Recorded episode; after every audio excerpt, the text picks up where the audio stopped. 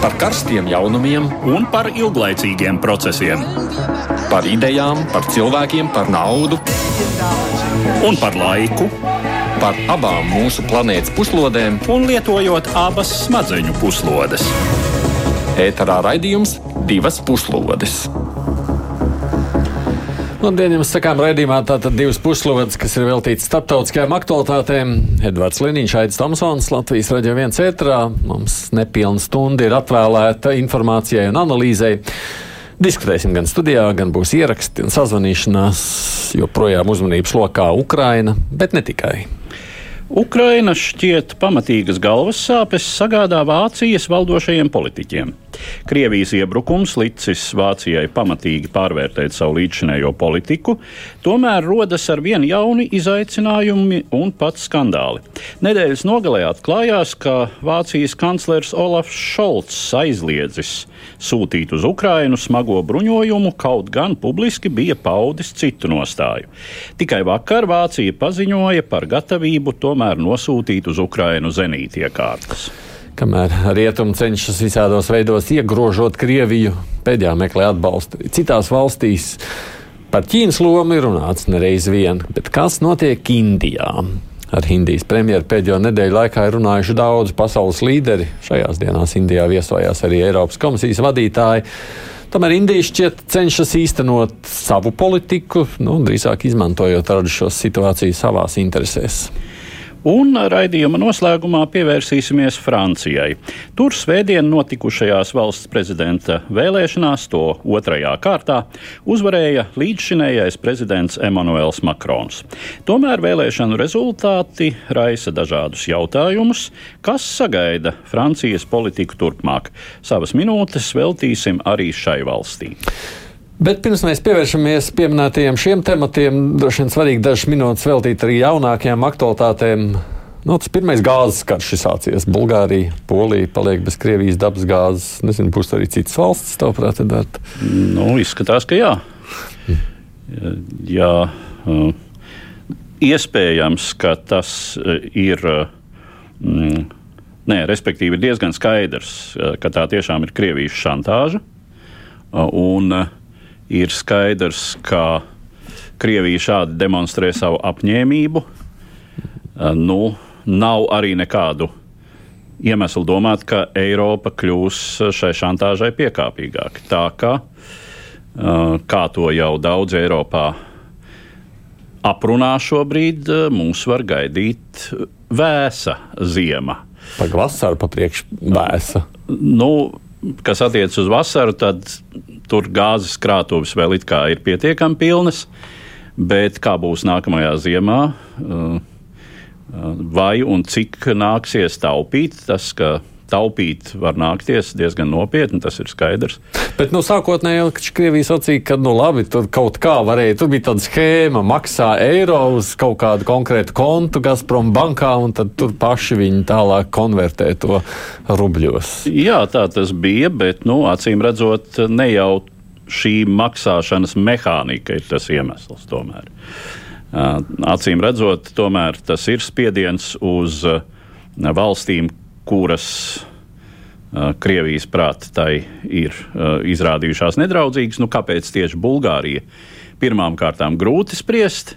Par Poliju ir skaidrs, Polijas nostāja Ukrainas jautājumā ir nepārprotama. Polijas militārā palīdzība Ukrainai ir teju viena no visplašākajām, kādu ir sniegušas Ukrainai draudzīgās valstis. Bet, nu jā, var teikt tikai to, ka, ka Krievija ir sākusi izmantot šo savu Uh, ietekmēšanas instrumentu. Bet uh, realtātē būs arī tā, ka Eiropas komisija, nu, tavuprāt, nu, vispār Eiropa, ne, nu, Ungārija šobrīd jau ir piekritusi maksāt rubļos. Nu, Ungārija ir outsiders. Pārējie, pārējie domā, nē.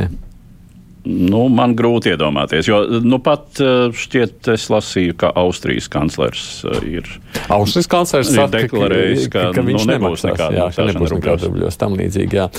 Savukārt tā otra ziņa, kas man liekas diezgan parādījās kopš vakardienas tās satraucošās ziņas no Moldovas, tiešām šī valsts tad varētu ieraut karā? Nu, ievērojot, kas ir Piedņestra, uh, ievērojot, kā Moldova ir nu, tiek minēta kā Krievijas nākamais mērķis, ir tikusi minēta. Mhm. Un pavisam nesen viens no Krievijas vadošajiem armijas komandieriem, neatceros tagad precīzi vārdu, ir izteicis, nu, teiksim, runājot par kara šīs fāzes mērķiem, ir citas starpā minējis, ka vajadzētu tā sacīt Krievijai tomēr panākt panākt sauszemes koridoru līdz Moldovai. Nu, tas nozīmē mm -hmm. atspiest Ukraiņu spēkus vispār no jūras, ieņemt Odesu. Un tad runa, nu, runa ir par Piedņestru. Tā ir uh, Moldovas, de jure Moldovas teritorijas daļa, uh, kas atrodas šīs valsts austrumos. Uh, otrā pusē Dņestras upei. Uh, teritorija, kas starp abiem pasaules kariem, kad mūsdienu Moldovas lielākā daļa eh, bija Rumānijas sastāvdaļa, eh, bija palikusi Padomju Savienībā. Mm. Tur bija izveidota tāda Moldovas autonomā padomju republika Ukrainas sastāvā. Um, pēc kara Moldāvu, etnisku Moldāvu, tur bija palicis jau pavisam maz. Tur pamatā dzīvoja Ukrāņi un arī Krievi, uh, bet šī Piedņestra tika pievienota padomju Moldāvijai. Uh, un Moldāvijas PSR sastāvā pavadīja attiecīgi mm. visu laiku līdz Padomju Savienības sabrukumam. Nu, pēc tam tur sākās tā sacīt. Um, procesi, kas, nu, kas faktiski bija viena no pirmajiem padomju savienībā, uh, brūkošajā padomju savienībā, kad kādas topošas nacionālas valsts daļa savu etniskā rakstura dēļ nevēlējās nevēlējās kļūt par Moldovas, šajā gadījumā par Moldovas sastāvdaļu. Un, nu, tur bija sadursmes, iejaucās Krievijas karaspēks, kas tur bija dislocēts. To, nu, tobrīd vēl sākotnēji padomju Savienības, padomju armijas attiecīga daļa. Un, tā arī tur ir palicis Krievijas karaspēka kontingents. Šo teritoriju Moldovas valdība nekad nav kontrolējusi. Uh, kopš uh, kara sākuma Ukrainā 2014. gadā, kopš Krievijas mm -hmm. agresijas sākuma pret Ukrainu. Um, Ukraina ir slēgusi uh, tātad iespēju, protams, Krievijai apgādāt un, un, un papildināt šo savu kontingentu caur savu teritoriju. Moldova to arī ir aizliegusi, faktiski Moldova jau sākotnēji. Nu, tā tad Vienīgā iespēja, kā tur var nonākt uh, Krievijas militāra personas, ir civilā, līdz šim bija tā, civilā apģērbā. Uh, tikt līdz Kišiņevai, līdz Moldovas galvaspilsētai, un tad ar vilcienu doties uz Piedņestru. Mm. Uh, bet šādā veidā, protams, tur var ierasties salīdzinoši neliels cilvēku skaits, un pamatā tas kontingents, kas tur ir, pēdējos gadus papildinās no vietējiem. No, no tātad, Uh, šīm Piedņestras iedzīvotājiem. Uh, bet, uh, protams, ka tas ir tāds arī dzen iesaldēts konflikts. Un bažas, ka tas varētu šajā brīdī tādu vai citādu iemeslu dēļ, ar tādu vai citādu nolūku tikt atsaldēts un aktivizēts. Tas, Tās ir diezgan nopietnas. Nu, redzēsim, ja kā tur situācija attīstīsies. Vajadzēs, mēs tam pievērsīsimies. Mēs tās šoreiz ar Eduardu divatām mazliet pārnājām tās jaunākās ziņas, kas nāk. Bet, nu, protams, pievēršoties savukārt tālāk jau pieminētai Vācijai, vispirms tās faktoloģiskas apkopojums.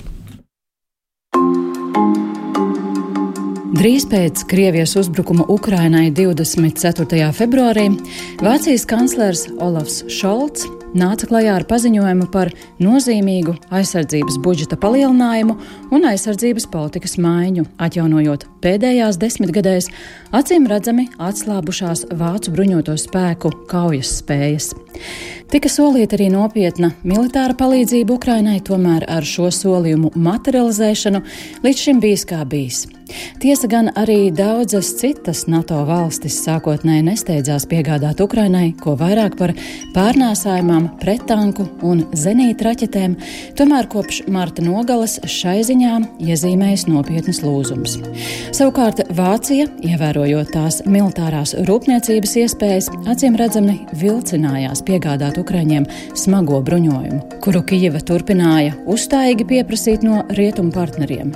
No Vācijas puses tikuši minēti argumenti par Ukraiņu personāla nesagatavotību un to, ka pašai Vācijai šādu ieroču nesot pietiekamā daudzumā. Joprojām pavīdējuši arī apsvērumi par Krievijas iespējamo reakciju.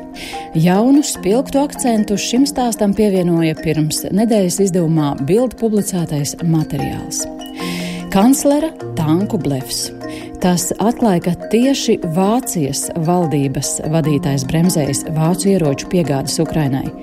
Vācu militārās rūpniecības uzņēmumi sastādījuši sarakstu ar bruņojumu, kuru tie varētu piegādāt Ukrainai. Taču pēc saskaņošanas kanclera birojā no saraksta pazudis praktiski viss smagais bruņojums, un pats saraksts attiecīgi sarucis uz pusi. Tās līdz izskanēt skarbiem minējumiem par Vācijas valdības patieso politiku attieksmē pret Ukrainu un arī par Šolca vadītāja spējām. Kritika izskanējusi nevien no lielākās opozīcijas partijas, Kristīgo demokrātu puses, bet arī no dažiem koalīcijas partneriem. Pats Šolca, valdības ārlietu ministre no Zaļās partijas, Anna Lēna Bērboka netieši oponējas savam šefam, norādot, ka atbalstu Ukrainai nedrīkst vilcināt. Kā rāda aptaujas, arī vairāk nekā puse Vācijas vēlētāju atbalsta vācu smagā bruņojuma piegādes Ukraiņu spēkiem. Visnotiekošais līdz izskanēt pat pieņēmumiem, ka Šolcam varētu nākties piedzīvot uzticības balsojumu Bundestāgā. Galu galā vakar pienāca ziņas, ka Vācija beidzot tomēr ir gatava pārkāpt sarkano līniju, proti piegādāt Ukrainai Vācijā ražotās pašgājējas zenītiekārtas Gepard. Studijā mums ir pievienojies arī Rīgas Traģiņu universitātes profesors komunikācijas fakultātē Ēnārs Dimants. Sveiks, Ēnār! Labdien! Varat izskaidrot, kas tās zenīta iekārtas gepardi, ko tās dara? Nu, galvenais ir tas, ka bieži vien to sauc par tanku. Arī, tas arī faktiski ir kā tanks. Tikai tur ir uzbūvēts virsū arī tas zenīta artērijas komplekss, respektīvi ir iespēja izšaut šīs raķetes. Zenīta raķetes vai ne? Būtībā, būtībā nu, dažādiem mērķiem. Dažādiem mērķiem jā. jā, ko nozīmē? Nu, tanks jau pats ar šauju. Nē, nē nu, tas nav tanks.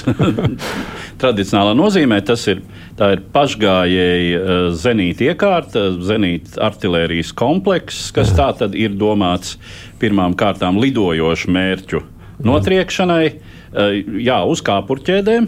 Mm -hmm. Tā tad, nu, kā ļoti daudzas mūsdienās, ļoti daudzas militārās iekārtas, bet nu, tas nav tanks. Skaidrs, Tankam ir citas funkcijas un, un arī citāds bruņojums. Bet viss šis skandāls ap to Vācijas nespēju nosūtīt nopietnākus ieročus uz Ukrajinu tās ir bailes no Putina, tas ir kaut kas cits. Es domāju, ka šeit mēs dažādi varam vērtēt, un uh, es vērtēju, protams, negatīvu šo, bet tomēr arī kā progresu tajā pašā laikā. Ja? Bet uh, jāmēģina arī saprast, kāda ir cēloņi. Un uh, tie cēloņi galvenokārt iekšpolitiski. Un jūsu ziņās jau izskanēja, ka jā, vairākums it kā atbalsta jā. šo smago ieroču piegādi, bet patiesībā Vācijas sabiedrība ir sašķelta divās daļās un diezgan konkrēti. Turklāt uh, pats kanclers pārstāv partiju, kas tradicionāli ir pārstāvējis šo pozīciju. Viņam ir kā valdības vadītājiem pirmkārt jābalstās uz savu partiju. Tas ir pirmkārt. Un otrkārt, viņam ir jābalstās arī uz plašāku sabiedrību un uz to sabiedrības daļu, kas balso par šo partiju. Ja? E, līdz ar to. Proti, viņa elektorāts nemaz negribētu, ja tā tur baigta. Tur ir tā, jā, es teiktu, ka tā īsumā sakot. Jā, kaut gan tā, tā situācija dinamiski attīstās, nākot arī klāt uh, sabiedriskā doma dinamiski attīstās, un līdz ar to arī tie lēmumi attīstās, uh, nākot klāt jaunā informācijai, vai ne? Vēlētāji noskaidrojums mainās. Jā, jā, bet te ir, manuprāt, īsos vārdos tas izskaidrojums ir vairāk iekšpolitisks.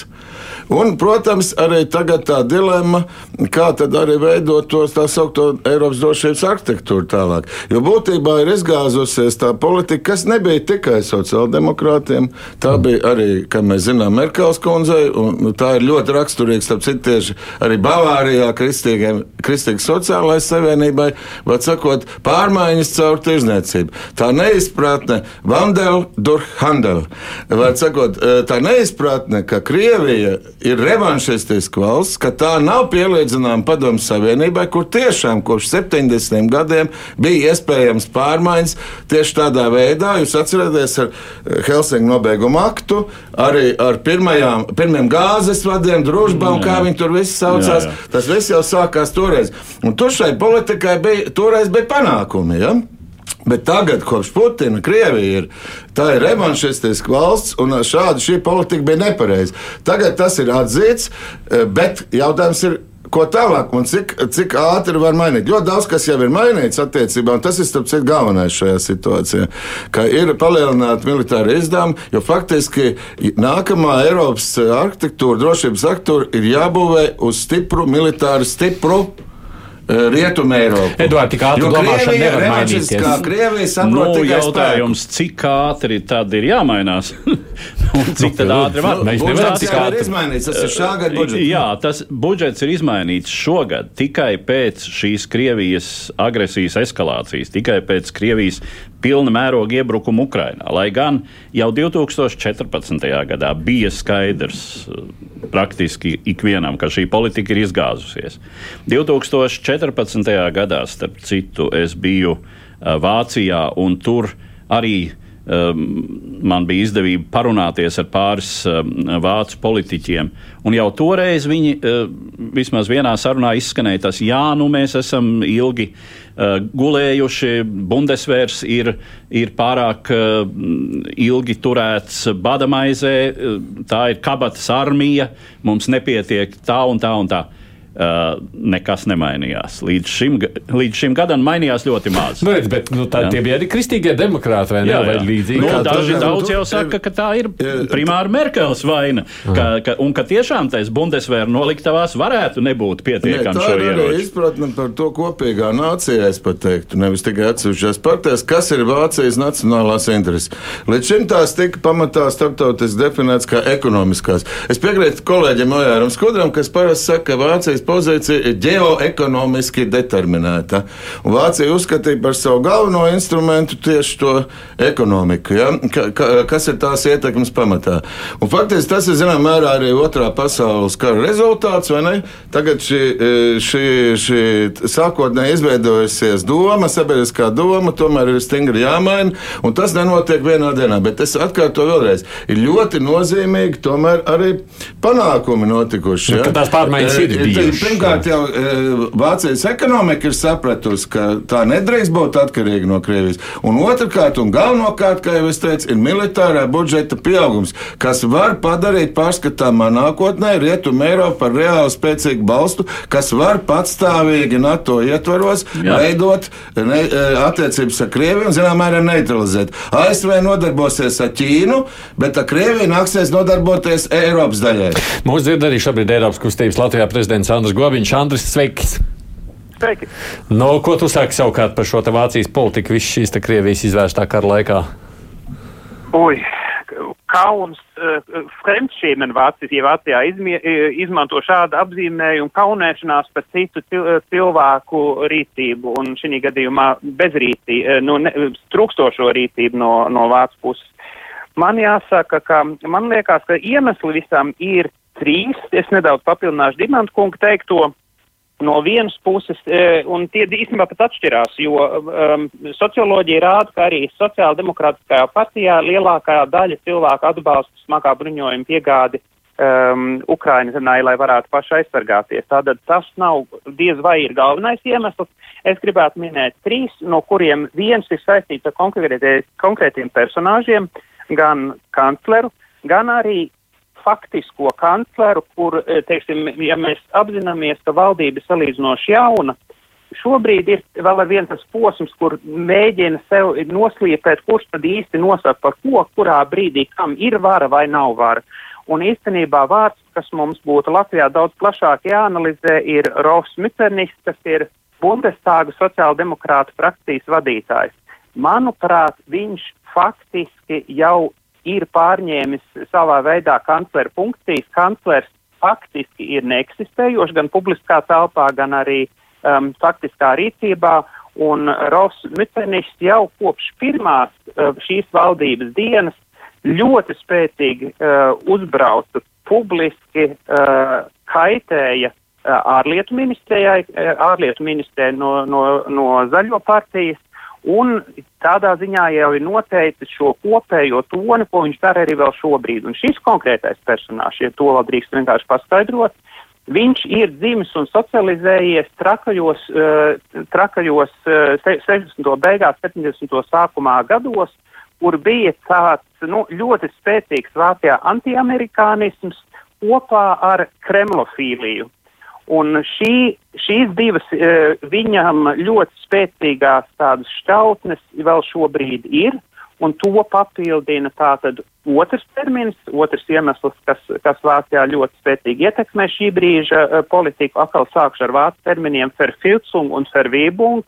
Pirmais varētu būt līdzīgs kaut savā ziņā savai tāds kā puvums, un otrs ir tāds kā tīklojums, kur uh, partijas struktūrās sociāldemokrātos ir ļoti spēcīga arī industrijas un arī industrijai pietuvināto arotbiedrību ietekme. Visa veida lobby, kas spiež, un šeit īpaši Gazpromam draudzīgais BASF, kas arī būtu spēcīgāk un plašāk jāanalizē citreiz šīs vien lielais uh, Gazproma ietekme caur Šröderiem un visiem pārējiem pakalpiņiem uh, Puķinam. Un trešais, vienkārši atvainojos drusku varbūt tās pa garu runāju, ir tas, ka, ka Vācijā notiek šobrīd tas, ko mēs iepriekš redzējām arī Trumpa politikā Amerikā, ka attālinās politika un to retorika, politiķu retorika no realitātes. Un, lai cik vācieši un tieši sociāldemokrāti par to nebūtu nirguši un to kritizējuši, diemžēl viņi paši šobrīd ir vadošās uh, pozīcijās, darot to pašu, turpinot tātad aizplīvurot veco kļūdaino un, jāsaka, savā ziņā pat atsevišķos punktos kriminālo politiku, mēģinot to ar muļķīgu, kļūdainu vai vienkāršu subu terminoloģiskiem risinājumiem aizplūgrot. Bet vienu jautājumu tomēr es vēl uzdošu. Nu, vakardienas ziņās, jau atkal starp citu Vācijas medijos, nu, ir atkal kārtībā politikas maiņa. Beidzot, mēs sūtīsim nu, kā, uh, ieročus uz Ukrajinu arī nopietnākus, kas nozīmē, ka varbūt nu. mainās. Mainījās, solījums par mainīšanos bija pirms diviem mēnešiem, un tā mainīšanās ir bijusi nekāda, un paši vācieši smējās analītiķi, ka tā mainīšanās ir visiem pārējiem izņemot vāciešiem. Es ticēšu tanī brīdī, kur būs uh, darbi, nevis uh, tikai vārdi. Šobrīd vārdiem ticēt, diemžēl Vācija pati ir darījusi visu, lai uh, viņai vairs uh, tā uzticēšanās nebūtu ne trešdaļa tik liela, cik tā bija iepriekš Vācija, sev ļoti masīvi kaitē, kaitē Eiropas Savienībai, kaitē sev, jo uzticība ir pats vērtīgākais, kas, kas mums ir. Un vienreiz pazaudēt uzticību atgūt, tas ir ārkārtīgi grūti. Bet, mm. nu, mm -hmm. Labi, Andris Gobiņš, Eiropas kustības Latvijā prezidents skeptisks, kā redzi. Nu, es arī jau sākumā teicu, ka no ārpuses skatoties, tā jau mūsu perspektīvā, ir sevišķi, protams, Ukrainas perspektīvā, bet arī kopējā Eiropas drošības un NATO perspektīvā, tas izskatās slikti. Jāvērtē negatīvi, neapšaubām. Jautājums ir bija, pie kā es vairāk pieskaros, kur es neredzu liels pretruns ar to, ko teica. Eh, attiecībā uz balstīšanos uz savu partiju, ko, kur, ko papildināja Andris Grobiņš. Gobiņš. Bet eh, tā pašā laikā es redzu arī, ka process ir dinamisks kopš vēlēšanām. Arī šajā jaunā valdībā no Andris vislabāk zina, ka eh, cilvēks, kas ir ilgu laiku dzīvojis Vācijā, ka tomēr kancleram ir tā, tā arī pēc konstitūcijas, pēc Vācijas pamatlikuma, ir tā prerogatīva noteikti ārpolitika. Nevis ārlietu ministram, starp citu, mm. ja? un nevis frakcijas priekšsēdētājiem. Un to, starp citu, es izmantoja arī Merkele diezgan labi. E, un līdz ar to atbildība ir arī Merkelē, nevis tikai sociāldemokrātiem par līdzinējo Vācijas politiku. Atsakot, iekšējā politika spēlē lielu lomu. Es domāju, ka Šalts ir īstenībā sagot uz pareizā ceļa. Vismaz strateģiski jau, jau sen pirms diviem mēnešiem. Jā, e, tā problēma pašlaik bija ar to smago ieroču piegādi. Tas ir būtībā nu, ļoti aktuāls taktisks jautājums, e, kam ir arī, protams, seks, jo Vācija vienmēr ir gribējusi ieņemt tā, tā kā Eiropas centra lomu un starpnieku lomu. Un tikko jūs paši aktīvi iesaistāties, nu jūs vairs nevarat būt starpnieks. Tas arī viens no izskaidrojumiem, kāpēc šī atturība, ja? jo Vācija atrodas Eiropas vidū, ja? un skaidrs, ka primāri, lai vai kā tur Briti vai citi iesaistās, primāri būs jārēķinās ar Vāciju arī tajās attiecībās ar Krieviju šā kā tā. Es domāju, to Šalts ļoti labi apzinās, ir sevišķi Eiropas Savienības attiecībās ar Krieviju, ja? jo Lielbritānija nemaz tur pie mums vairs nav. Ja? Tad viņš to ļoti labi apzinās. Tas arī izskaidro viņa tādu, zināmā mērā, lēnīgumu, jā, atturīgumu. Jā. Bet virziens ir, manuprāt, pareizs. Uh, mums jābeidz jāiet pie nākamā temata. Tūlītās tikai te parādījās tāda maza replika īsi Edvards sociālos tīklos, sakot, nu redzēju, tur šajā situācijā nevar uzticēties Vācijai. Tad varēs uzticēties, ja kaut kas notiktu, pieņemsim, uzbrukums Latvijai. Atkal teikt, ah, jā, jā, jā, jā. jā, nu tādā tiešām pieņēmuma līmenī tas tā izskan. Nu, mēs jau saprotam, ka uh, situācija uzbrukuma gadījumā Latvijai būtu pavisam citāda. Un, uh, tur ir NATO piektais pants un tā tālāk. Un viens no argumentiem, ko Vācija arī min, ka tās nevēlēšanās piegādāt šos smagos ieročus Ukrainai ir ievērojot visu, uh, kas ir tās rīcībā, ka tad tā nevarēs pilnvērtīgi pildīt savas saistības uh, savukārt. Tieši arī piesaucot, piemēram, Baltijas mm. valstu drošības garantēšanā. Uh, nu, ka tai vienkārši esot maz šīs smagās tehnikas šobrīd, uh, un smago mm. ieroču, ka nu, tur, tur mēs atkal nonākam pie tā, kāpēc tas tā ir. Bet nu, ir skaidrs, ka bez Vācijas, teiksim, veidot tādu pilnvērtīgu uh, gan palīdzības situāciju Ukrainai, uh, gan uh, vispārējo šo Eiropas drošības arhitektūru nevar. Nu, mm -hmm. Tas uh, Vācijai ir, jā, ir jābūt vienam no, vienam no spēlētājiem. Arī tā nozīmē, ka lielā mērā jau Vācija un, un tās Vācijas uh, tā Vācijas nevēlēšanās mm, aktīvāk iesaistīties Eiropas eh, drošības jautājumu risināšanā tīri militāriem līdzekļiem eh, ir padarījusi Eiropu, kas ekonomiski un tehnoloģiski būtu spējīga konkurēt eh, ar Ķīnu un Savienotajām valstīm kā diviem lielajiem Uh, šī brīža militāri tehnoloģiskajiem gigantiem pasaulē. Eiropa varēja būt trešā, bet lielā mērā es teiktu tieši šī Vācijas nevēlēšanās. Nē, nē, nē, neturpinām, neturpinām, lai, lai, vainās, lai vainās. Es gribu iet uz Indiju, piedodiet, jo runājot par citu valstu politiku attiecībā pret Ukrainu, Krievija ir vērts uzmanību pievērst Indijai. Mēs neesam vienkārši par to runājuši, bet nu, starptautiskajā presē jau īsti Indijas tā īsti nav tā politika pavīdziņa virsrakstos. Vispirms mums ievads tematikā. Indijas pozīcija attieksmē pret Krievijas agresiju Ukrainā līdz šim bijusi un joprojām ir neitrāla. Ņūdeli valdība nav nosodījusi Kremļa agresijas eskalāciju un pastrādātos kara noziegumus. Indijas pārstāvis atturējās balsojumā par Krievijas izslēgšanu no apvienoto nāciju cilvēktiesību komitejas, un Indija turpina iepirkt patīkami lēto Krievu naftu. Kā atzīmē novērotāji, sākotnēji Savienotās valstis un to partneri veltījuši šai Indijas pozīcijai kritiku, taču kopš pāris nedēļām tonis kļuvis krietni maigāks. Bez īpašiem asumiem pagājusi gan Savienoto valstu prezidenta Džo Baidena videokonference ar Indijas premjeru Narēndu Modi mēneša pirmajā pusē, gan Britu premjera Borisa Džonsona vizīti Indijā pagājušajā nedēļā. Telekompānijas CNN žurnālistes Reja Mogula un Saimona Makārtie savā 23. aprīļa publikācijā rezumē analītiķu viedokļus, sakot, ka Indija nu pat pasniegusi rietumiem starptautiskās diplomātijas meistarklasi.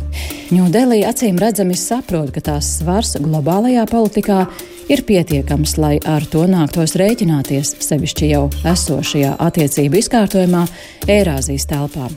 Definējot vienā teikumā, Indija ir nepieciešama rietumiem kā pretsvars Ķīnai. Pekina pēdējās desmitgadēs ir nozīmīgi kāpinājusi savu militāro potenciālu un atļausies ekspansionistiskus žestus attieksmē pret kaimiņu valstīm, nemaz jau nerunājot par arvien pieaugušo ekonomisko ietekmi. Indija, kurai ar Pekinu ir tradicionāli vēsas attiecības, tā skaitā robežu konflikta dēļ Himalajos, ir samērojama ar Ķīnu iedzīvotāju skaita un potenciāli arī ekonomiskās kapacitātes ziņā.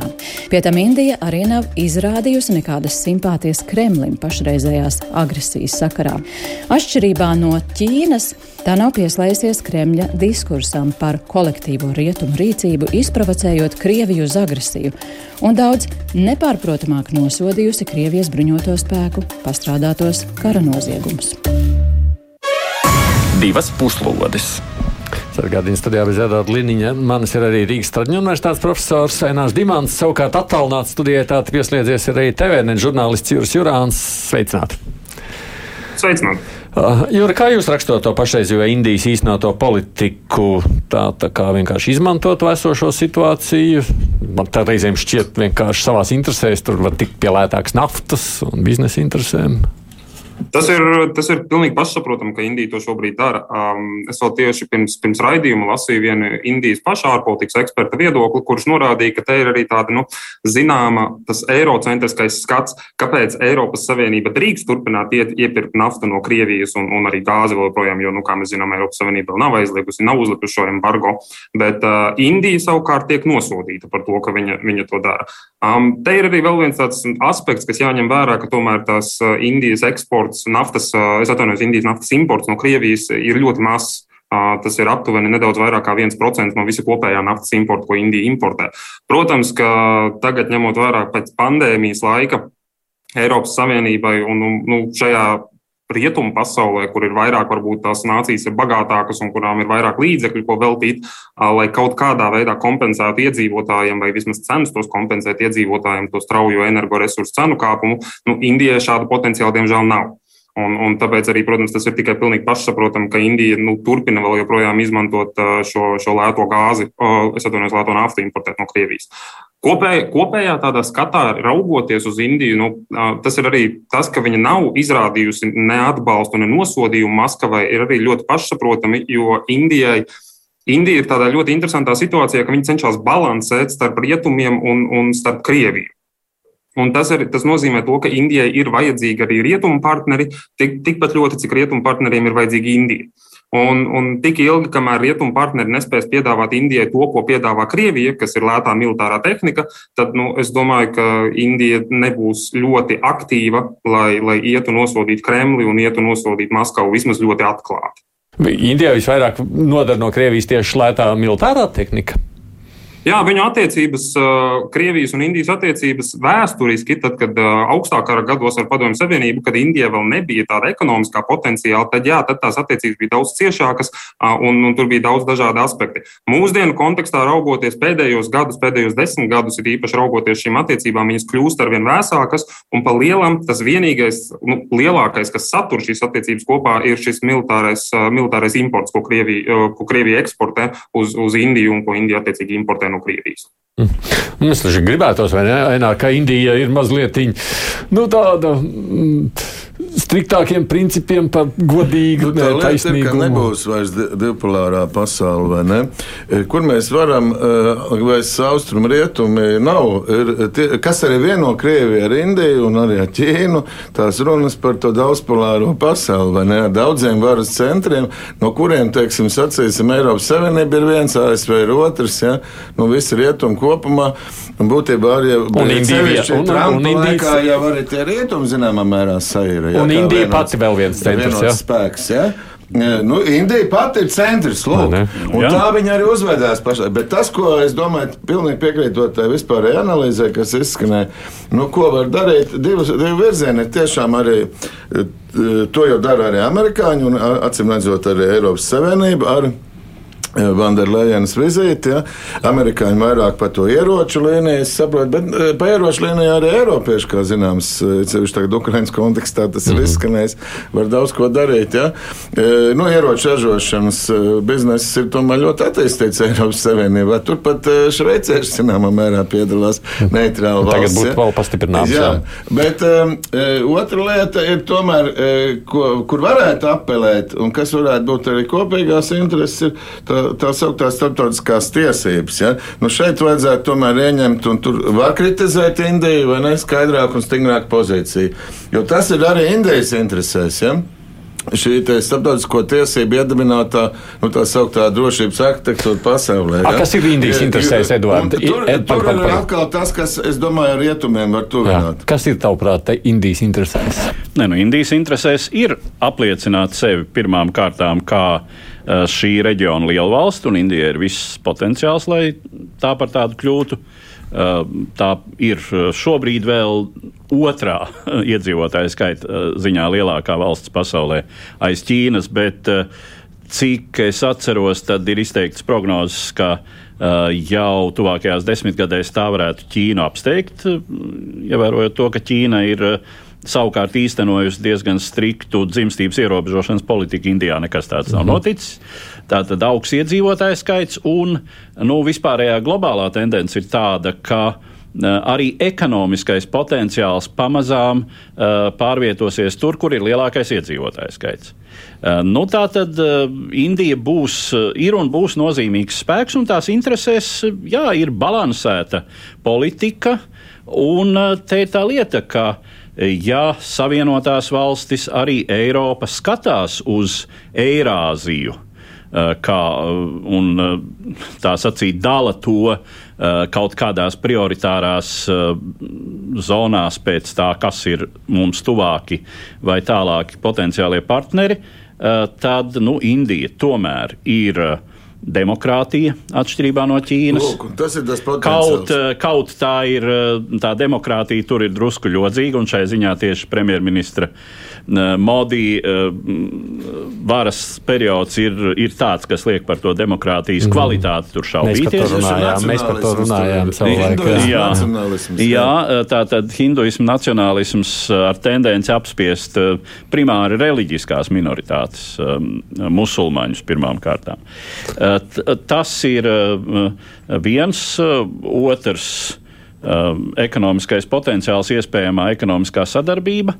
Nu, tā tad šeit ir tādā kritiskā situācijā, nu, kad ir jāizvēlas, ja, mm -hmm. ar kuru primāri nu, teiksim, uzturēt labas attiecības pat var būt izējot uz kādiem kompromisiem. Nu, tad, protams, ka Indija uh, rietumiem ir prioritāra katrā ziņā ir salīdzināma ar Ķīnu. Jā, bet kā ir pašai Indijai, Juri, kas tad ir svarīgāks partners? Tā vispār var pajautāt, ASV un Rietumi vai tā ir Krievija? Tas ko, tas, ko Indija vēlas, un, un tas, uz ko Indija iet, ir, lai viņai nebūtu vajadzīgs neviens partners. Viņa vēlas sasniegt tādu nu, um, starptautiskajās attiecībās, ko dēvē par strateģisku autonomiju, kad viņai nav, kad, kad pati Indija nebūs atkarīga ne no viena cita partnera kaut kādu vai tādu vai šādu vai citādu iemeslu dēļ. Pagaidām ne ekonomiski, ne militāri, nekādi citādi Indija to nevar izdarīt. Bet viņa iet uz to, viņa būvē, tāpēc, tāpēc arī viņa tik ļoti paļaujas šobrīd uz to militāro aspektu no, tieši no Krievijas, ka tiek importēts tik daudz šīs militārās tehnikas, lai viņi varētu šo, šo savu militāro uzbūvēt tik tālu, ka viņa, nu, ka viņa tiek uztverts kā ļoti nopietns militārais spēlētājs. Un tad līdz ar to, nu, kā jau lielvarai, ja tev ir ļoti nopietna militāra, ja tev ir ļoti nopietns militārais sektors, tad nu, līdz ar to tu tiec uztverts kā ļoti nopietns spēlētājs reģionā.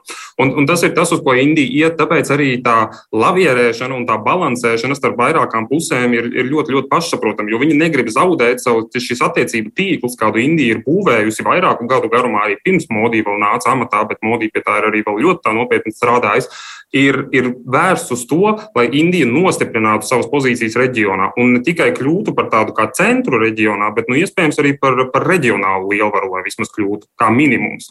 Un, un tas, ko Indija nu, tiešām vēlas, ir vienkārši galu galā, lai visas citas nācijas ar Indiju rēķinās kā ar ļoti nopietnu spēlētāju, un ka Indijas viedoklis un Indijas vārds tiktu ņemts vērā. Bet tas, ko, tas, tas, bet, bet, jā, jā, bet tas, ko Ainārs sacīja, nu, tas starptautiskās tiesības, nu, vienalga cilvēktiesības, visas tās ir Indijai svarīgas. Viņai ir svarīgas, svarīgas, tas ir tāds nu, interesants vārds, kā to interpretēt. Ļoti pareizi pieminēja pirms tam par to modiju piekopto politiku, ka nu, iekšpolitiski tur ir bijuši dažādi pārmetumi, gan, gan, gan, gan iekšpolitikā, gan arī no ārpasaules ir bijuši pārmetumi modī par to, ka nu, šī demokrātijas kvalitāte ir kritusies un, un ka varbūt viņš nav tas visdemokrātiskākais līderis, kāds varētu būt. Bet nu, pagaidām, vismaz kamēr Indija nav sasniegusi tādu, tādu nopietnāku globālu. Nu, Daļai nopietnas globāls spēlētājs viņi ir, bet nu, vēl, vēl nopietnāk varētu arī būt. Un līdz tam laikam, protams, kā jau visām citām valstīm, vismaz tā apliecināt piederību šīm vērtībām Indijai varētu būt svarīgi, un tas varētu būt arī izdevīgi. Bet nu, mēs jau redzam, ka pēdējā, pēdējos gados jau arī iet nu, uz to pusi, ka Indija arī sāk darīt lietas pa savam, un arī sāk jau nu, likt savu kāju tur, kur viņa grib to savu kāju nolikt, nevis gaidīt, kā, kā nu, kurš tur cits grozīsies, un tad kādam citam sekot līdzi. Tad līdz ar to tas ir tāds ļoti interesants jautājums, kam noteikti jāsako vēl līdzi, ko Indija turpinās darīt, un cik ilgi Indija spēs šādi balansēt, neizsakot tur aktīvu atbalstu nevienai, ne otrai pusē. Pagaidām jau, jau konflikts iet jau jau gandrīz jau divus mēnešus, ja, tad nu, vēl, vēl Indijai tas ir izdevies. Cik ilgi viņai vēl tas izdosies, ir ļoti grūti par to spriest. Ar starptautiskām tiesībām saprotot, vispirms valstu tiesības un to starptautisko tiesību sistēmu šajā aspektā, ne tik daudz cilvēku tiesības. Ja, tad te ir, manuprāt, divi ļoti svarīgi aspekti, kas tomēr Indiju atšķir no visām citām valstīm, piemēram, no Latvijas, un kāpēc Indija sevišķi balansē. Viens ir tas konflikts ar Pakistānu, kas neapšaubāmi saistīts ar starptautiskām tiesībām un to ievērošanu kur varētu būt interesi tās ievērot tieši no Indijas puses, ja? un arī ieinteresēti rietumu atbalstā, e, nu, lai vismaz kaut kādā veidā balansētu tās mhm, attiecības ar mhm. Pakistānu un tā tālāk tur reģionā. E, un otrs pats galvenais, ko nevajag nekad aizmirst, šī ilgstošā spēle ar balansēšanu, tā ir saistīta arī ar Indijas vēlmi tomēr iekļūt reformētās ANO paplašinātajā drošības padomēm pastāvīgās locekles statusā. Par to gadiem tiek runāts, bet tas ir, protams, Indijā skaidrs, ka tas ir tik labi at atkarīgs no rietumiem, tā iekļūšana, kā arī no Krievijas, no Ķīnas, no pašreizējām pastāvīgajām loceklēm.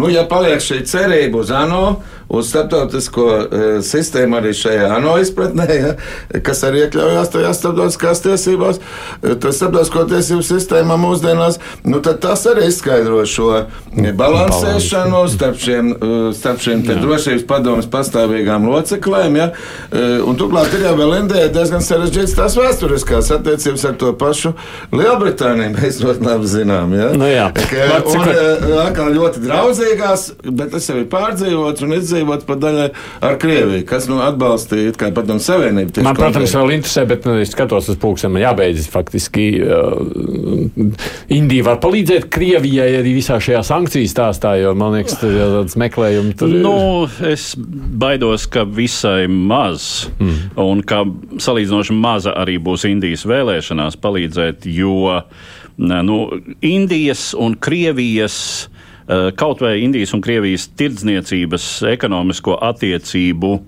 Uh, proporcija pret uh, Indijas un Eiropas Savienības un Savienoto valstu. Tur ir vairāk desmitu reižu starpība. Nu, teiksim, mm -hmm. Tirdzniecības apjoms ar Uh, Eiropas Savienība un Savienotajām valstīm ir, ir desmitiem reižu lielākas nekā Indijai ar Krieviju. Es kāpēc to jautāju? Tāpēc, kad man liekas, Krievijā parādās tādas ziņas, ka nu, mēs ceram, ka tad nāks tāda Indijas zīmola, Indija mums aizpildīs to, kas tur, ka, rietuma aiziet. Nebūs tā? Jā, jau ķīnieši nenāks, tas, vairāk indieši nenāks, bet tas, tas, tas varētu. Jā. Tas varētu tā būt, bet uh, es pilnīgi piekrītu tam, ko iepriekš teicu par uh, tām ekonomiskajām attiecībām, ka ekonomiskās attiecības starp Indiju un Krieviju pat, nu, pat nesasniedz daļu no tā, kāda ir Indija ar ASV, ar Eiropas Savienību un vēl, vēl daudzām citām valstīm. Uh, tad līdz ar to nu, tā, tāda cerība ir diezgan, es teiktu, tāls, tāls šāviens varbūt no Krievijas, ka izteikt šādu cerību. Uh, vēl viena, jā, tas aspekts par to, ka Indija varētu izrādīt atbalstu, tad varbūt kaut kādā veidā tur citas valstis aiz Indijas varētu nostāties un arī tad sākt, varbūt, ja jau tik liela valsts kā Indija izrāda atbalstu Krievijai, nu tad mēs arī varbūt tās varam to darīt atklāti, ja, kurām ir izdevīgas šīs attiecības ar Krieviju. Tad, um, nu, bet es nedomāju, ka tas varētu notikt. Es nedomāju, ka es, es domāju, ka Modi un Indija kā tā centīsies cik vien ilgi noturēties um, ne uz vienu, ne uz otru pusi, nesliecoties, jo, ja būtu jāsaka, kuru pusi Indijai būtu jāizvēlās, man liekas, ka to prognozēt ir ļoti grūti un, un tas ir tāds, nu, ļoti ļoti, ļoti dīvains pieņēmums kopumā kā tā, jo nu, tās attiecības Indijai no vienas puses ar Krieviju ir, ir kaut, kas, kaut kas viens tajās attiecībās, kas Indijai ir ļoti vajadzīgs, un no rietumiem un ASV ir kaut kas otrs, kas Indijai arī ir tikpat ļoti vajadzīgs. Tad līdz ar to, kā Indija izvēlēsies, ja viņa nonāks tādā pozīcijā, ka viņai vajadzēs izvēlēties, tad nu, man ir grūti spriest, kādus, kādus aspektus tieši viņi ņems vērā, lai izvēlētos, nu, kurai okay. pusē tad paust to atbalstu. Jā, bet ir Paldies skaidrs... TVNet žurnālistam Jurim Jurānam. Es saku, atvēlu desmit minūtes Francijai. Jā, tādēļ nu, vienīgi Jā. ir skaidrs pēc visa, ka e, šobrīd rietumi arī negrib spiest Indiju. Tā var saprast, jā, no tā, tā apkopojuma arī, ko tas sacīja.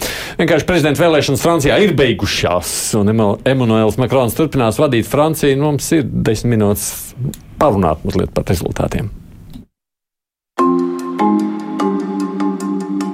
Svētdien notikušajā Francijas prezidenta vēlēšanu otrajā kārtā esošais Elizejas pilsētas saimnieks, centriski labējās partijas uz priekšu republika līderis Emmanuels Makrons ar nepilniem 59% iegūto balsu pārspēja savu sansensi - nacionālisti un labējo populisti Marinu Lepēnu. Tādējādi atkārtojās situācija pirms pieciem gadiem, kad rezultātu attiecība bija aptuveni 66 un 34 par labu Makronam. Eiropa var atvieglot uzelpot, jo Francijas politikā pašreizējās Krievijas agresijas situācijā nenotiks kādas nevēlamas izmaiņas, par kurām lika bažīties Lepēnas ievēlēšanas iespēja. Tomēr liberālā politiķa uzvaru aptumšo daži statistiski apsvērumi. Pirmkārt, šīs vēlēšanas ir uzstādījušas jaunu vēlētāju neaktivitātes rekordu. Apmēram 28% balstiesīgo neaizejot uz iecirkņiem, savukārt 8,6% iemetot urnās nedrīgus biļetenus. Tādējādi par Francijas prezidentu šoreiz nobalsojuši tikai nedaudz vairāk kā 38,5% balstiesīgo Francijas pilsoņu. Tiek norādīts, ka pēdējais Francijas valsts galva, kurš saņēmis mandātu no vairāk nekā puses vēlētāju, bija Žaks Širaks 2002. gadā. Nepiedalīšanos pamatā izvēlējušies kreisi noskaņotie, no kuriem daži svētdien pat izgājuši ielu protestos. Kā jau bija sagaidāms, Makrona pārsvars ir izteikts Parīzē un citās lielajās pilsētās, galvaspilsētas reģionā Ilderfrancā un Bretaņā. Kopumā par viņu vairāk balsojuši Francijas rietumu, centrālie un dienvidu rajoni, kamēr Lepēnas atbalstītāju vairākums ir ziemeļos, ziemeļaustrumos, vidusjūras piekrastē, Korsikā un Francijas aizjūras teritorijās. Nacionālās apvienības līderei lielā mērā izdevies sevi pozicionēt kā sociāli apdalīto no deindustrializācijas un pēdējo gadu pandēmijas apkarošanas politikas cietušo pilsoņu aizstāvi. Kas attiecas uz elektorāta vecuma struktūru, monolīti prezidentu Makronu atbalsta pensionāri un pamatā arī jaunākā paudze līdz 25 gadu vecumam. Savukārt vecuma grupā no 25 līdz 50 viņam ir tikai minimāls pārsvars, bet vecuma grupā no 50 līdz 60 gadiem vairums balso par Lepēnu. Kas jums katram šķiet tāds uzmanības vērts, runājot par vēlēšanu rezultātiem Francijā, Edvards? Nu, tas uh, teritoriālais sadalījums, uh, kas rāda apmēram kādi ir uh, šie vērtību orientieri. Bet tas jau tāds un, ir arī iepriekšējās vēlēšanās, jau bija līdzīgs. Jā, tieši tā. Jā, tas nemainās. Un šie Francijas ziemeļi, ziemeļa austrumi, kādreizēji industriāli visattīstītākie rajoni. Mhm. Uh, šobrīd ilgstoši jau ir nu, zināmā mērā, nu, nevarētu teikt, tāda izteikta ekonomiskā depresija, bet uh, gausa attīstība, stagnācija vietām. Uh, un nu, loģiski, ka šeit populisms, uh, pie kam šajā gadījumā Nolepēna ir uh, atradusi pareizos orientierus, uh, viņas galvenais jājām zirdziņš vismaz nevienīgais tagad vairs nav nacionālisms, tīrs nacionālisms, bet nu, tā ir tāda arī orientēšanās uz vienkāršo cilvēku, protams, uzrunājot viņu arī caur uh, migrācijas problēmām, bet uh, nu, pašreiz Francijā šīs problēmas nav tās aktuālākās. Mm. Teiksim, Ukrainas bēgļi nav sasnieguši Franciju tik lielā skaitā un iespējams arī nesasniegs. Tā varētu cerēt. Un, līdz ar to nu, tas, ir, tas ir tas, ar ko šos cilvēkus var, var nopirkt. Nu, jā, mēs redzam, ka tie ir pir, pirms pensijas vecuma cilvēki, kas arī sociālā ziņā jūtas nepārprotami visapdraudētākie. Mm. Nu, tā, tad, tā tad tas ir. Un, par Makronu, par teiksim, viņa, viņa Eiropas, joprojām Eiropas vīziju, viņa liberālo politiku balso. Nu, tā tad pilsētas, jā, salīdzinoši dinamiskākā, aktīvākā vide. Kaut kur var vilkt paralēles visnotaļ ar Savienotajām valstīm. Lūk kur, kur mēs eh, arī teiksim, Trumpa vēlētājus redzam pamatā laukos, uh, nu, laukos uh, sociāli depresīvākos reģionos, tā sauktā Rūsas zona. Amerikas centrālie štati, kur kādreiz bija attīstīta metālurģija, um, apstrādes rūpniecība un tā tālāk, un šobrīd tā vairs nav tik aktīva dažādu ekonomisko uh, procesu rezultātā. Kāds akcents tu liktu? Jā, man arī tieši šis, kas bija beigās izskanēja tagad uh, šeit Eduardam, tās paralēlas ar ASV ļoti uzkrītoši, ņemot vērā arī to, nu, uh, Ameriku sauc ASV parasti sauc par demokrātijas citadeli. ale Francija Eiropā par demokrātijas dzimteni varētu teikt. Jā, ja? Šūpuli. Šūpulis varbūt ir tomēr senā Grieķijā. Ja? Nu, tur ah, no labi, šūpulis bija kārsts, vai ne? Bet, nu, no, cikot lielā Franču revolūcija, tomēr ļoti svarīga ar to tieši cilvēktiesību uzsvaru, vai ne? Un vispār brīvība, brālība, vienlīdzība, vai ne? Tie trīs iedzieni, kas joprojām ir republikas, kā viņi uzsver. Tāpat kā Igaunijā ir republikas prezidents, nevis valsts prezidents. Ja? Republikas pamatā ir šīs trīs vērtības - brīvība, brālība, vienlīdzība. Un tieši par to arī e, ir iestājies un runājis arī e, ievēlētais prezidents. Un tā pašā laikā, līdzīgi kā ASV, Mēs redzam, ka būtībā ir spēki, kas šo republiku, sauksim jau nu godīgi, grib novākt un tās vērtības, uz kurām tā pamatojas. Tas pats bija ASV eh, uzbrukums Kapitolijam, nevēl tiks salīdzināts ar uzbrukumu Ziemas pilī. Ja? Savulaik. Tas bija uzbrukums Kur? pamatiem. pamatiem ja? Tas bija uzbrukums sistēmai kā tādai, ja? demokrātiskai sistēmai kā tādai. Un, un tas ir bīstami. Ja? Un tas ir diemžēl bīstami gan ASV, gan arī Francijā, kas tomēr ir viens no Eiropas Savienības tādiem virzošiem spēkiem. Ja? Bet ko tagad Makrons saka, nu, bet nākošajos piecos gados nu, viņš nebūs, vai nu, būs cita politika? Ko nozīmē cita politika? Nu, viņš mēģinās vairāk runāt. Es saprotu, viņš ir uzsvērs to, ka runāt. viņš vairāk ieklausīsies. Jā, runāt, jā jo tas ir tiem, līdz galam. Runāt ar cilvēkiem nozīmē ieklausīties arī. nu, jā, tas, ir, tas ir tas, ko viņam visvairāk ir pārmetuši, ka uh, viņš patiešām ir uh, pārāk egocentrēts politiķis. Uh, nu, uh, daudzi kreisie, kuri negāja uz vēlēšanām, mm. vai arī meta tos nederīgos biļetenus. Jo, nu, vairāk nekā 8% nederīgi biļeteni, tas ir eh, nepārprotami. Eh, tā nav kļūdīšanās un nejaušība, tas ir, eh, pozīt, tas ir nostājas demonstrējums. Tātad šie cilvēki uzskata viņu par Parīzes uh, elites uh, prezidentu uh, vienkāršajam cilvēkam tālu un nesaprotošu. Nu, acīm redzot, viņš to mēģinās mainīt. Uh, viņam, protams, šis ir otrais termiņš, tātad pēdējais, bet, nu, protams, ir jādomā, kas būs pēc tam. Un, nu, nedod Dievs, lai, lai teiksim, nākošajā kadencē vinētu Lepēna vai, vai vēl kāds, teiksim, vēl kāds cits radikāls labējais. Nu, plus, es domāju, ka runāšana šeit ar un dialogu vien nepietiks, vai ne? Jo faktiski iemesli gan Amerikā, gan arī Francijā ir būtībā sociāla-ekonomiskajā politikā. Ja?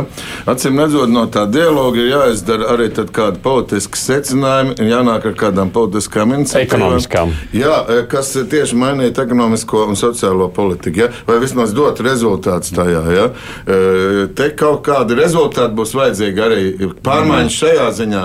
Ar runāšanu, ar dialogu, teiksim, nepietiks. Un ievērojot to, kādi laiki ir iestājušies, nu, tas var būt ļoti grūts uzdevums. Tāpat kā grūts tas ir Baidenam ASV, viņš jau tur tās reformas ļoti plašas ir uzsācis, un, bet iet diezgan smagi. Ja? Un ar atbalstu arī ir grūti. Nav nemaz tik vienkārši. Nu, es domāju, tās situācijas ir ļoti salīdzināmas. Mēs ASV vēl, un Francija. Mēs vēl par Franciju runāsim, tā kā būs parlamentu vēlēšanas, jo tās arī šajā vasaras sākumā. Jā, tas ir ļoti interesanti. Un parlamentu vēlēšanās eh, ir liela iespēja, ka katrā ziņā Makrona partija negūs mm. vairākumu parlamentā. Tur varētu būt tā, ka kreisie, liberāļi un Jā. labējie apmēram līdzīgi sadalīti. Edvards Liniņš, Ainās Dimants no Rīgas Traģiņu universitātes profesors, studijā arī Aidis Tomsons, producēja šoreiz Loreta Bērziņa. Skatāmies, kā notikuma attīstās divās puslodēs nākošais. Divas puslodes!